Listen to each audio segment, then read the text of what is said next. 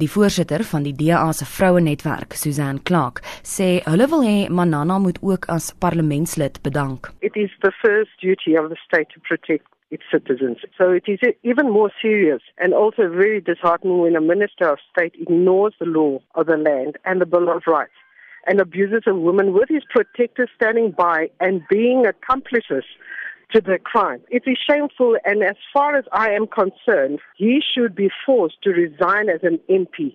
He's not fit to be a public bearer who swore to uphold the Constitution.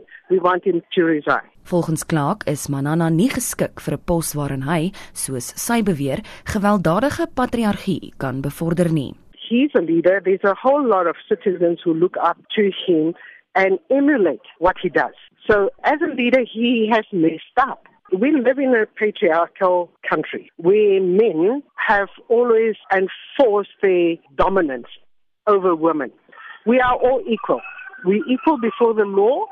We're equal in our work. We are not beneath men. Vanoggend se betoging sê Clark is 'n poging om te verseker dat geregtigheid geskied.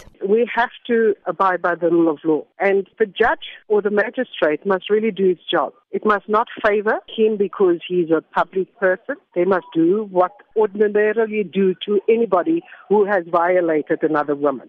And there must be a speedy resolution to this case.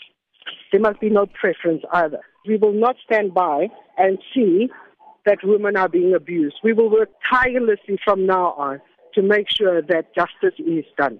Dit was die voorsitter van die DA se vrouenetwerk, Susan Clark. Ek is Jean Marie Verhoef vir SAK nuus.